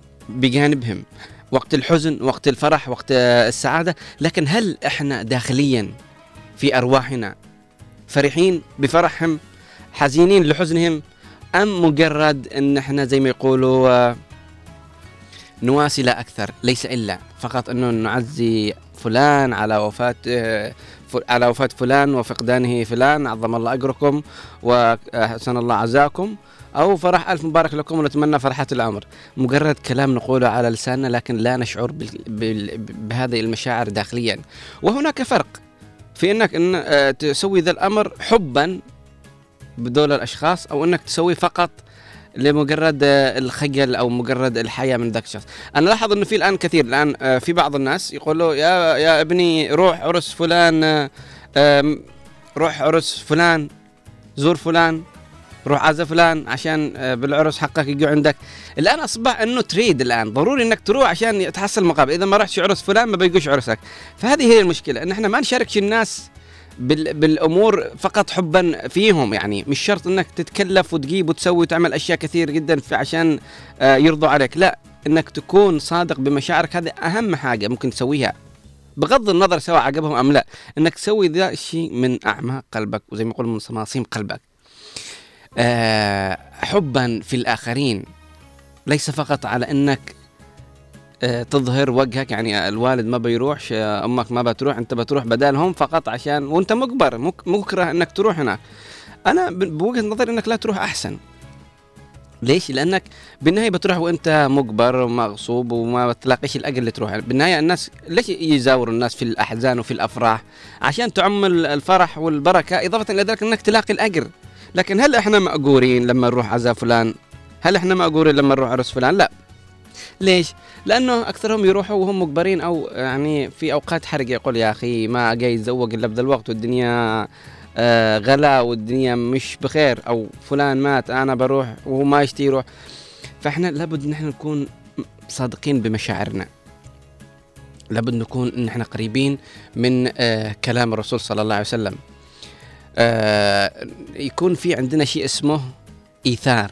إيش معنى الإيثار؟ لو قلنا نتكلم عن الإيثار إيش معنى الإيثار؟ الإيثار إنك تحب لأخيك ما تحب لنفسك. تحب لأخيك وتكون فرح له أكثر مما أنت تفرح لنفسك. آه، آه، ال- الوضع أصبح الآن الإيثار والمحبة والود والعطاء مجرد تابوت. والأمور اللي نقومها نقوم فيها مجرد مسامير إن إحنا ننخر هذا التابوت. مجرد مسامير وحلول آه، آه، غير عادلة وأمور غير آه، سوية وغير صحيحة إن إحنا نسويها. بالنهاية بالنهاية الأمر محتاج إن إحنا بس نصدق مع أنفسنا عشان نصدق مع الآخرين. زي ما قلت لكم على سبيل المثال فلان مات أوكي توفى الله يرحمه ويغفر له ويسكنه فسيح جناته. إيش إحنا ممكن نسوي؟ لا تسويش أي شيء فقط إنك تكون صادق بمشاعرك. ومش شرط إنك توري الناس إنك مرة حزين. في ناس يعني يصطنعون الحزن يتصنعوا الحزن. أنت مش مضطر إنك تتصنع الحزن عشان توريهم إنك حزين على فلان أو حزين على علان أو حزين على ايا يكن. عندما تكون هناك. آه، مشاعر صادقة قد تكون حزين داخليا وتتألم داخليا. ولكن هذا قد لا يبدو على على وجهك لا يبدو على آه كلامك لا يبدو على ثقتك بنفسك لا لا تزعزعك تلك آه الأحزان لأنك قوي وصادق بمشاعرك ومأجور على اللي أنت تسويه. فإحنا من متى متى سمعنا آخر مرة أنه في أشخاص صادقين بحبهم للآخرين ومتواجدين معهم بالحزن قبل الفرح؟ ياما كنا نسمع ذي الأشياء وكنا نسمع القصص الجميلة. أنا أكثر آخر شيء سمعت ذي الحاجات أيام الصحابة رضوان الله عليهم. أنه كان في إيثار بينهم كان في حب للآخرين و... وكانوا يحترموا بعضهم البعض. أما الآن زي ما نقول إنه الوضع أصبح نفسي نفسي زي يوم القيامة. إلا من رحم ربي وإحنا لا لا نعمم ولكن نقول إلا من رحم ربي. كانوا زمان يتفادون بالأرواح كانوا زمان آه يعني شربة ماء وهم في مس الحاجة وشد العطش كانوا كل واحد يعطيه للثاني. كل واحد يعطيه للثاني عشان آه عنده إيثار وحب لصديقه أو حب لأخوه أو حب لشخص يعرفه. آه الآية اللي تقول ويؤثرون على أنفسهم ولو كان بهم خصاصة يعني ولو كان بهم حاجة وفاق إليها ما يؤثرون به من أموالهم على أنفسهم. يقدموا آه، الحاجة للآخرين رغم أنهم محتاجين وفي أمس الحاجة لها. من متى كنا نعرف إنه إحنا لابد نزور بيت فلان أو نروح عرس فلان فقط عشان يقو في عرسنا؟ ي- يلا زور بيت فلان روح بيت فلان عشان عرسك. إيش تشتي عرسك؟ يكون فاضي ما في بوش ناس. هذا ال- المصطلح والأمر ال- الآباء والأمهات أدخلوه إلى عقول الأبناء وأصبح الآن عندهم أمر إنه لابد إني أروح عرس فلان عشان عرسي ما يكونش فاضي وما في بوش ناس. وهذا شيء غلط لابد إن إحنا نروح. أنا قد لا أروح أي عرس لكن لو في شخص أحبه وأحترمه وأعزه بروح عرسه. ليش؟ حبا فيه. ولا أروح إني مكلف. إني أقول أوه الآن بروح بكلف نفسي مواصلات بكلف نفسي ألبس جديد ألبس كذا. لابد إن إحنا نسوي الأمور أول شيء مرضاة لله. هذا نخليها قاعدة براسنا إن إحنا لابد نسوي أي شيء سواء نشارك الناس بأفراحهم أو بأحزانهم. مرضاة لله. وإحنا عارفين إنك لما تروح تفرح لناس أنت تلاقي أجر. لما تروح إنك تواسي ناس تلاقي أجر آه وتتذاكر المرحوم بالطيب. تلاقي أجر إنك آه تنفس عن كربة وتزور مريض برضو تلاقي أجر. فإحنا لما نسوي شيء لابد إن إحنا نعرف هناك قوانين وقواعد لابد إن إحنا نمشي عليها. ويجب علينا أن نقول اللهم إنا نعوذ بك من الرياء. إحنا الآن أصبحنا أكثر ما نقوم فيه إن إحنا رياء نرائي الناس ب ب بأمور نسويها بشكل كبير جدا ومش عارفين ومش عارفين إن إحنا مأثومين مش عارفين إن إحنا ممكن آه، نذنب بهذا الأمر. لكن الأمر أصبح عندهم ايزي الأمور طبيعية أنت بس روح عشان آه، جبر خاطر. وها كيف كان؟ ما أدري ما أدري كنت آه، مالي نفسي أجلس فمشي جلست ربع ساعة ومشيت. لابد إن إحنا نعلم إنه ما من أمر نقوم فيه إلا وإحنا واثقين ثقة كبيرة جدا إن الأمر اللي نقوم فيه هذا هو يعود إلينا بالفائدة، كيف الفائدة؟ الفائدة إنك تلاقي الأجر، تلاقي الحسنة وإنك تروح وما تحس في شيء داخلك وفي شيء يأنبك في ضميرك إنك آه، ما قمت بهذا الأمر على أكمل وجه.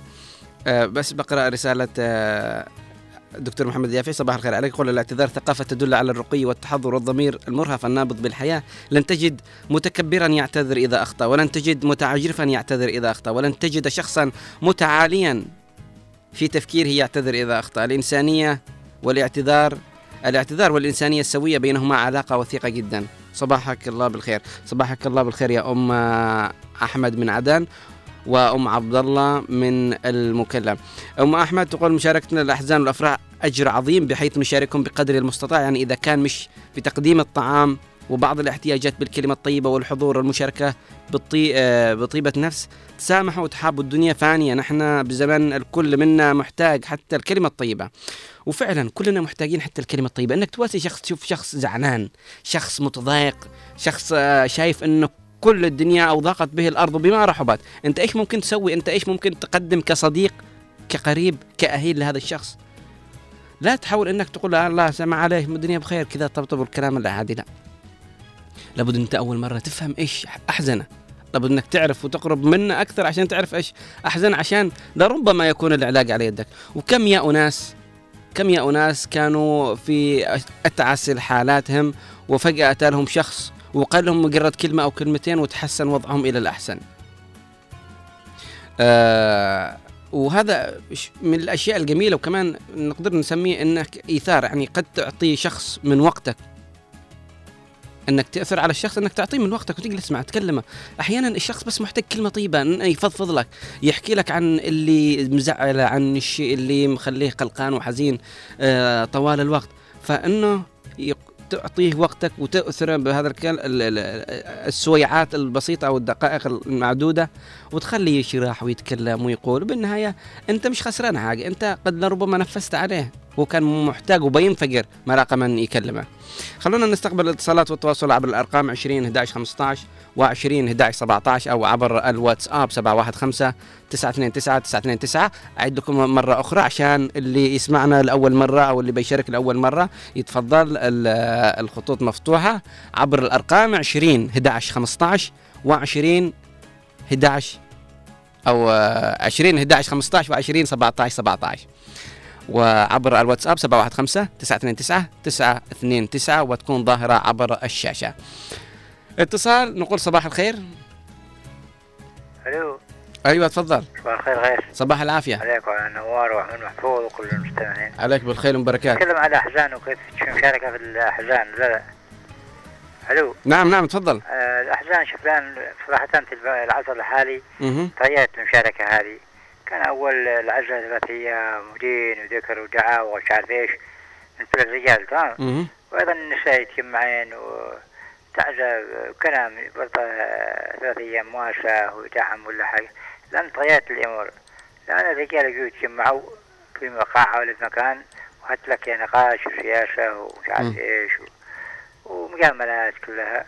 خاصة لما يكون حد ذو وجاهة أو مسؤولية. مهم. لكن طبعا ما فيش. النساء أيضا تحولن الآن إلى قيل وقال.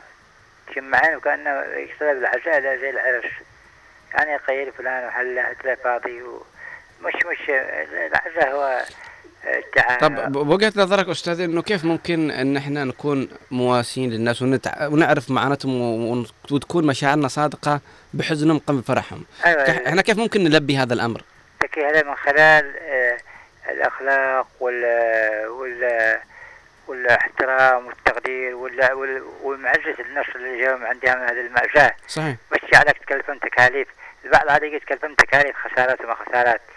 تدعمه بحاجة ولا تجي تعزيه بكلمتين مواساة تشده من أزمته هذا الأمور أن تكون مش كيف أخطاء خسارة فخامة غاعة في بغاء ولا ولا نشاهد فوضى.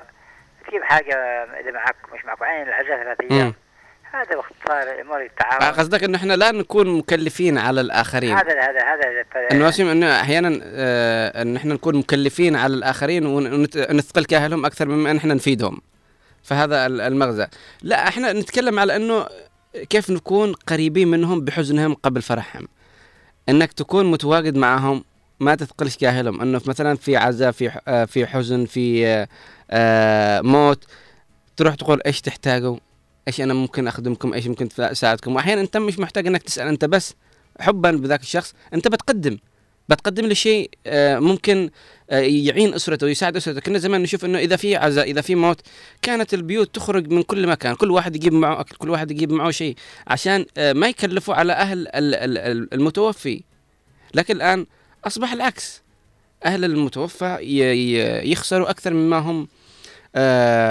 خسرانين. يعني خسران الروح خسرانين مال. فالأمر إن إحنا نكون مواسينهم سواء بالكلمة سواء بالمال سواء بالتواجد سواء بالخدمة إنك تكون متواجد عشان تخدمهم. فأنتم تقوموا بكل هذه الأمور. اولا لابد إنكم تكونوا صادقين بنيتكم صادقين بالأمر اللي أنتم تقوموا فيه حبا لأولئك الأشخاص وليس مكرهين. ففي فرق. لما تسوي حبا أنت مأجور. وتلاقي أجر وربي يفتح لك أبواب الخير والبركة. لكن عندما تكون مكره ومجبر أنت بس تتعب نفسك على الفاضي. هذا اللي نقدر نقوله. آه، أم آه، أم عبد الله من آه، من المكلا تقول نشاركهم في أفراحهم وأحزانهم والمشاركة بين الأهل أو الجيران أو الأصدقاء. هذا شيء جميل. تكون بينهم وتحس إنك سويت شيء جميل لما تشاركهم وتفرح لهم أو تحزن لهم. آه، آه، فاطمة حداد صباح الخير عليك إن شاء الله. نتمنى لك آه، صباح جميل. طيب نتكلم على إنه البذل. أنت ك- إيش ممكن تبذل عشان شخص حزين أو بالامور الحزينة؟ قد أحيانا ما تخسرش أي حاجة فقط إنك تخسر وقت بسيط معهم إنك تتكلم معهم تسمع آلامهم تسمع مشاكلهم وهمومهم فأنت تفرج عنهم كربة. ومن فرج عن مؤمن كربة من كرب الدنيا فرج الله عنه كربة من كرب يوم القيامة. ومن يسر عن معسر يسر الله عليه في الدنيا والآخرة. فأنت ال ال ال ال الأمر اللي ممكن تسويه ليس بالأمر الصعب وليس بالأمر الشديد أو ليس بالأمر اللي ممكن تقول تتعذر أنه أوه تعب هذا ممكن يتعبني. لا ما فيش أي حاجة ممكن تثقل كاهلك إلا أنك تتكاسل. ما فيش أي شيء ممكن يثقل كاهلك إلا أنك تتصنع. أنتم حاولوا تكونوا قدر الإمكان صادقين بأي عمل تقوموا فيه عشان الآخرين. بالنهاية إحنا ليش نسوي كذا؟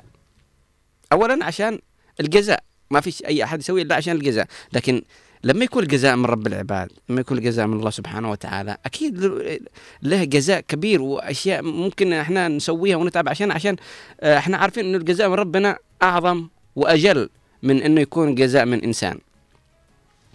فالإنسان لابد أنه يكون صادق بمشاعره صادق بأحاسيسه صادق بحزنه صادق بفرحه مع الآخرين. ولو جينا نتكلم عن الفرح الآن نشوف يعني لو تكلمنا عن الفرح وفي قاعة أفراح مش كلهم فرحانين.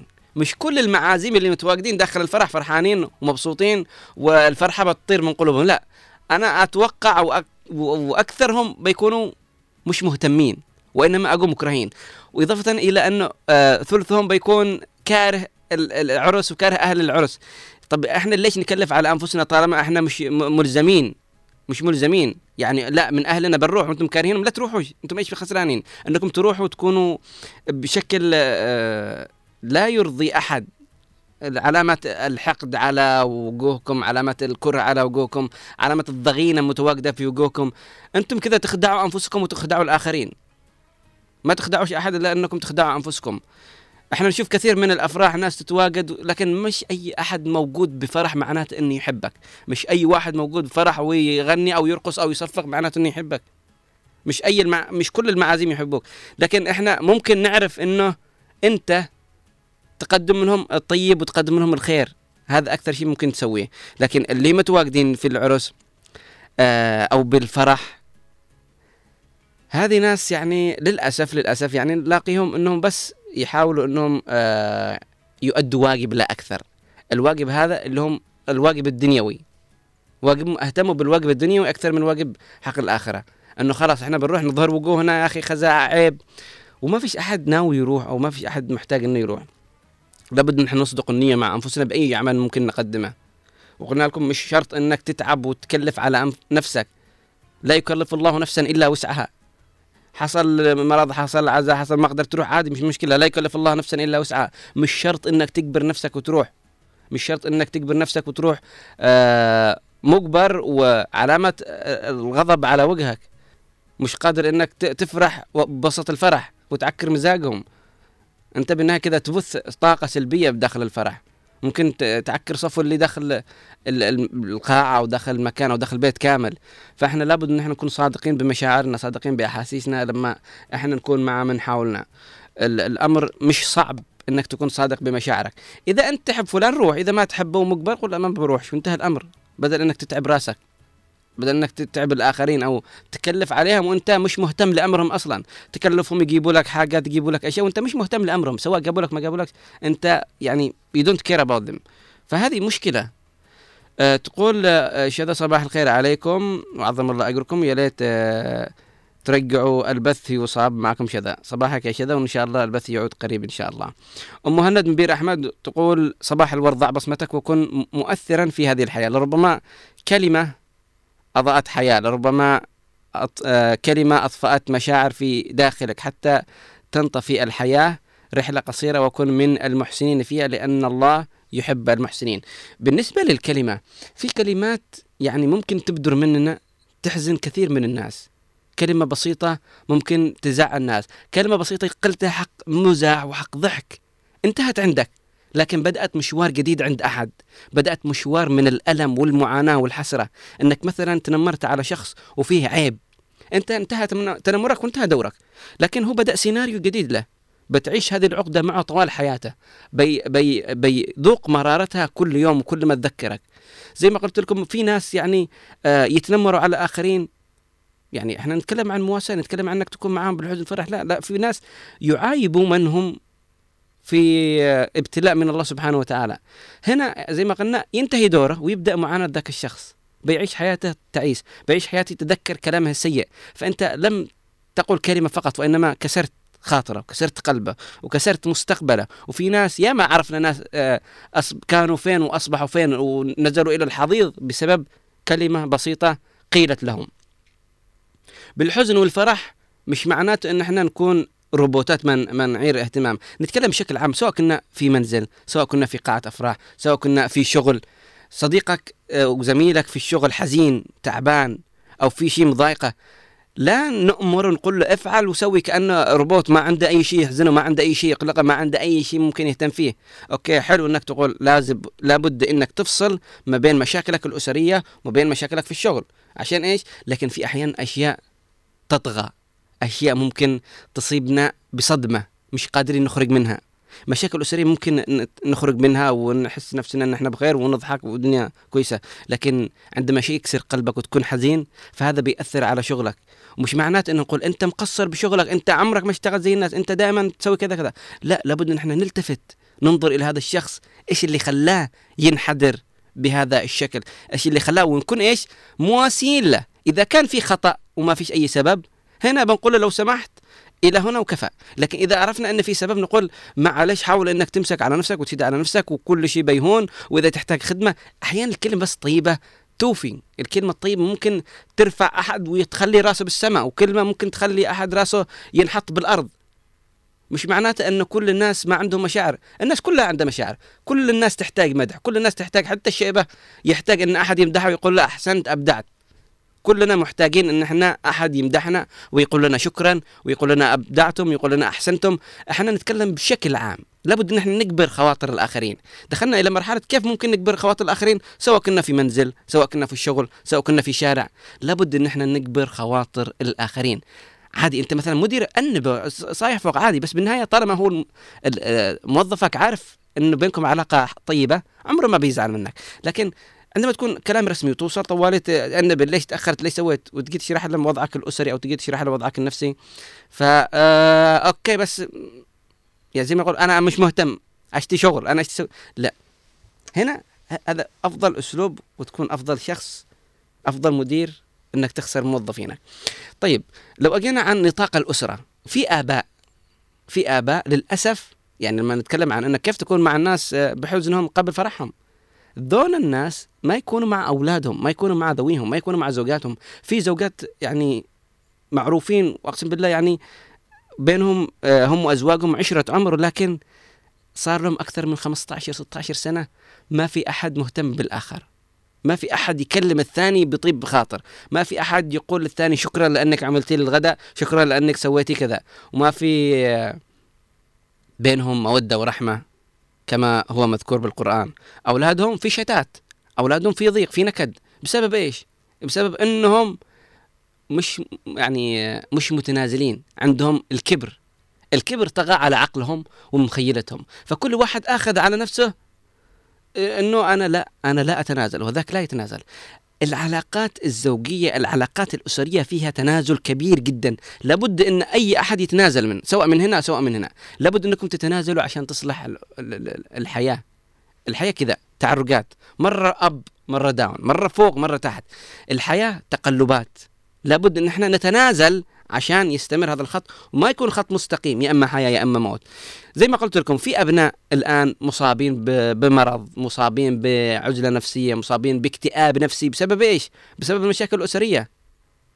ان الأم تصايحت هي والأب خلاص الأب ما راح قال لا مش مشكلة وما طبطب عليها وبالنهاية النساء يحتاجوا أحد ان يطبطب عليهم فأصبحت مشكلة بينها وبينه واستمر هذا الأمر. الأولاد الأم تصيح فوقهم الأب يصيح فوقهم.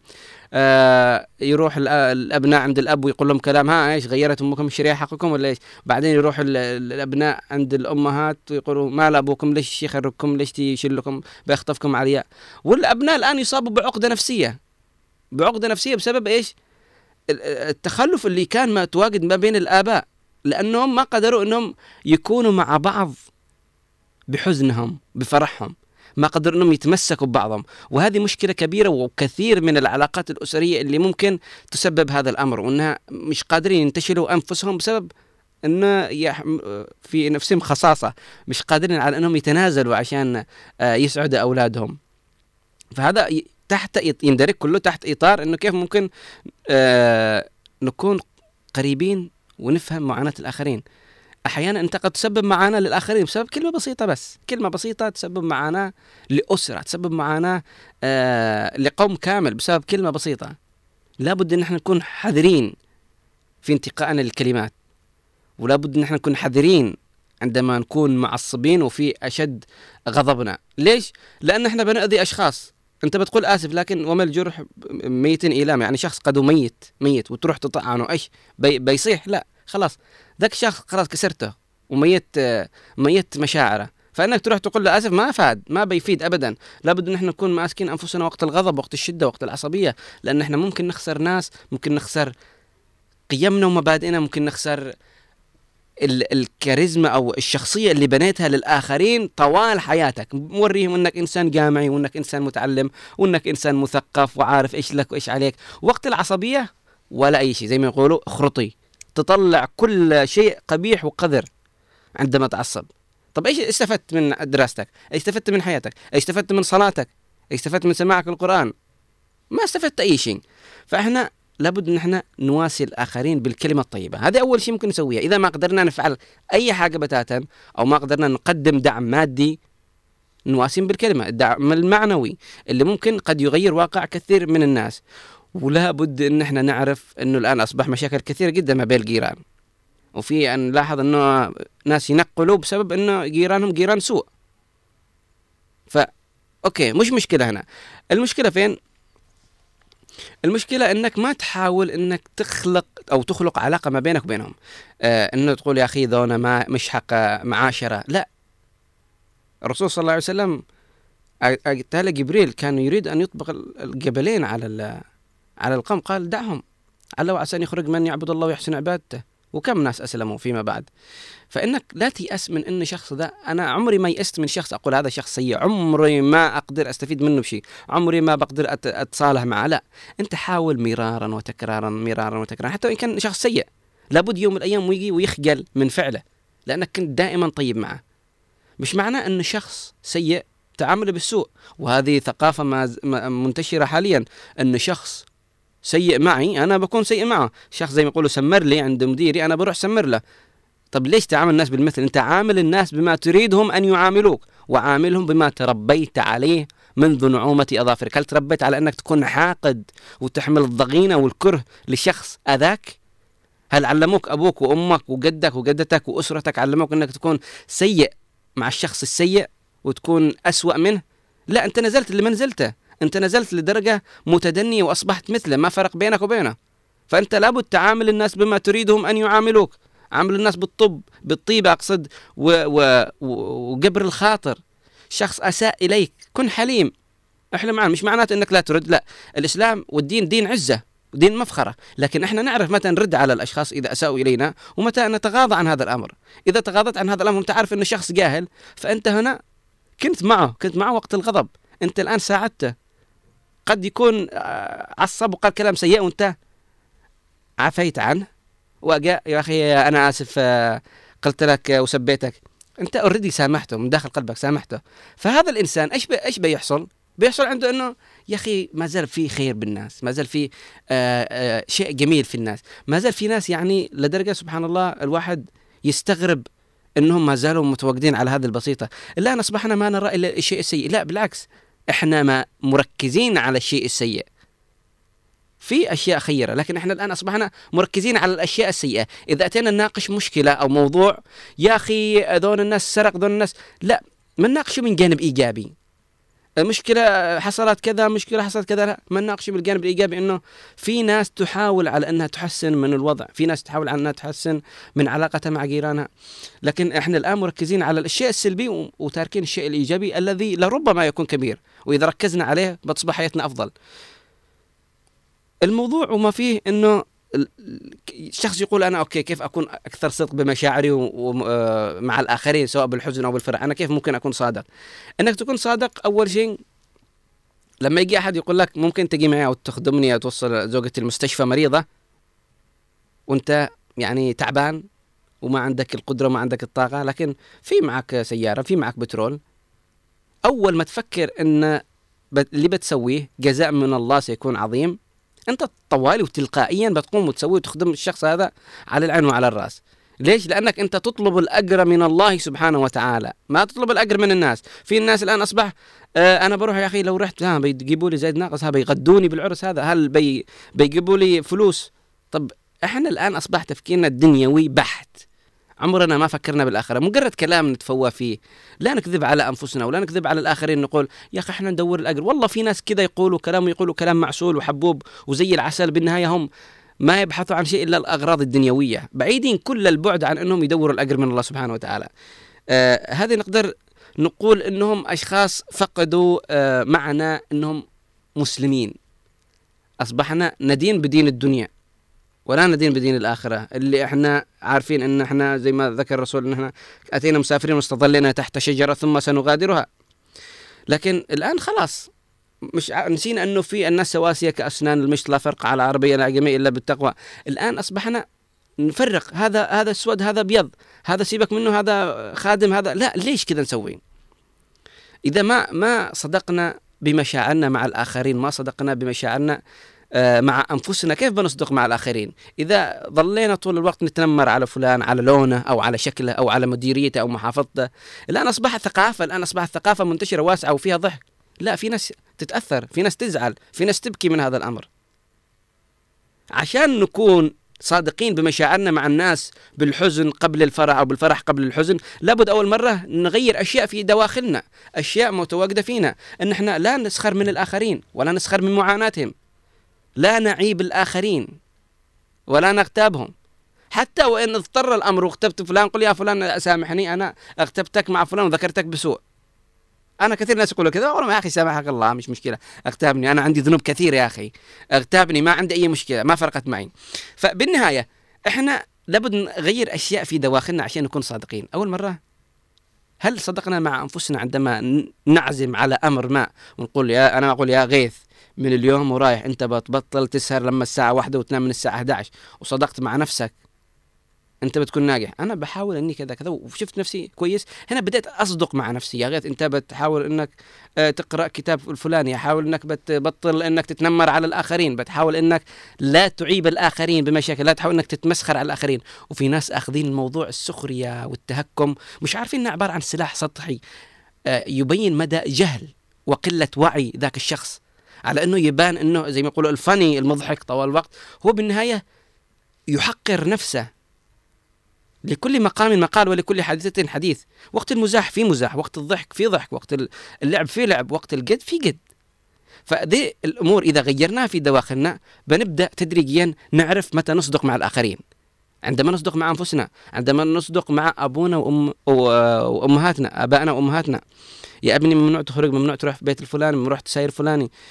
إذا كان فعلا أوامرهم صح أوكي إحنا عارفين إنه الآباء من شدة حرصهم على أبنائهم ما يخلوهم يطلعوا مع شخص حتى كان صار مصلي وصايم و... ويستغفر طول الوقت. ليش؟ يحبهم لأبنائهم هذا شيء طبيعي. لكن أنت ممكن تقدر تقدر تقنع أبوك أو أمك إنه يا أبا يا أم إنه واحد اثنين ثلاثة والوضع مش كذا زي ما أنتم تعتقدون. أوكي لكن هل كل ما يقول لنا أبونا وأمنا نحن نتبعه هل اتبعناهم؟ أو تبعنا كلامهم بحذافيره. هل حاولنا إن إحنا ندلهم؟ أحيانا الآباء والأمهات يحتاجوا إن إحنا ندلهم إلى الطريق الصحيح.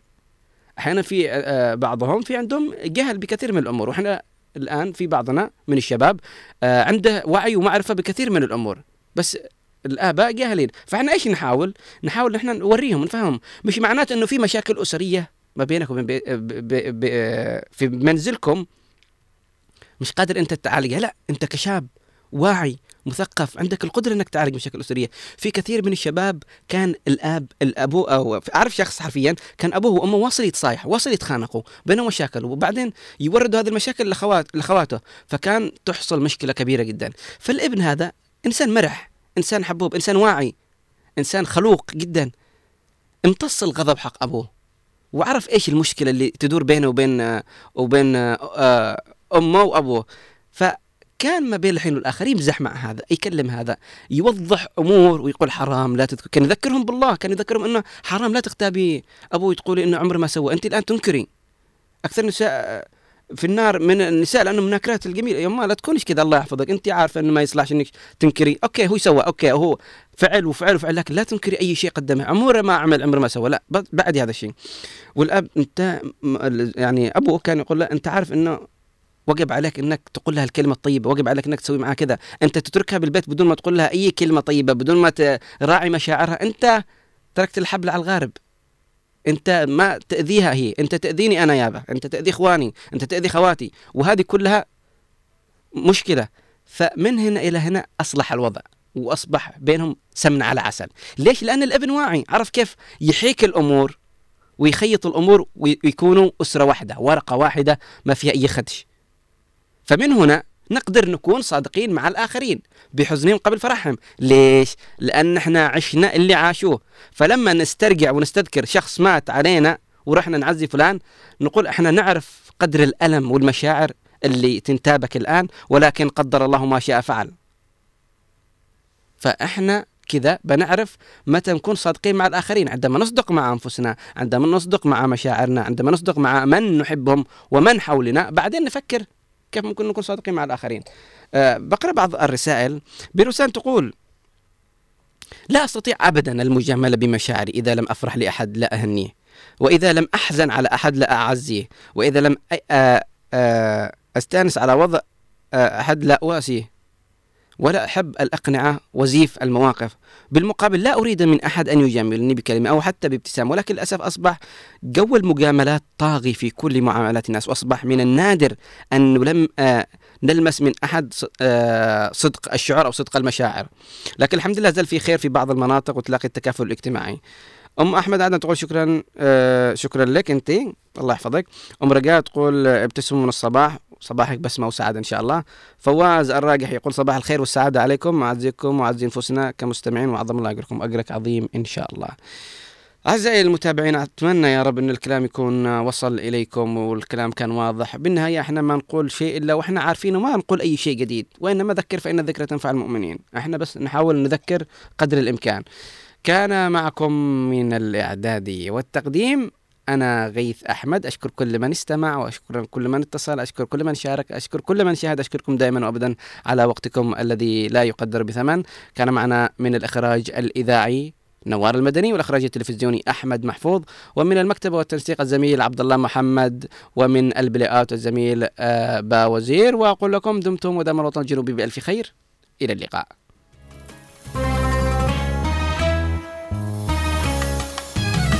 يا حبيبي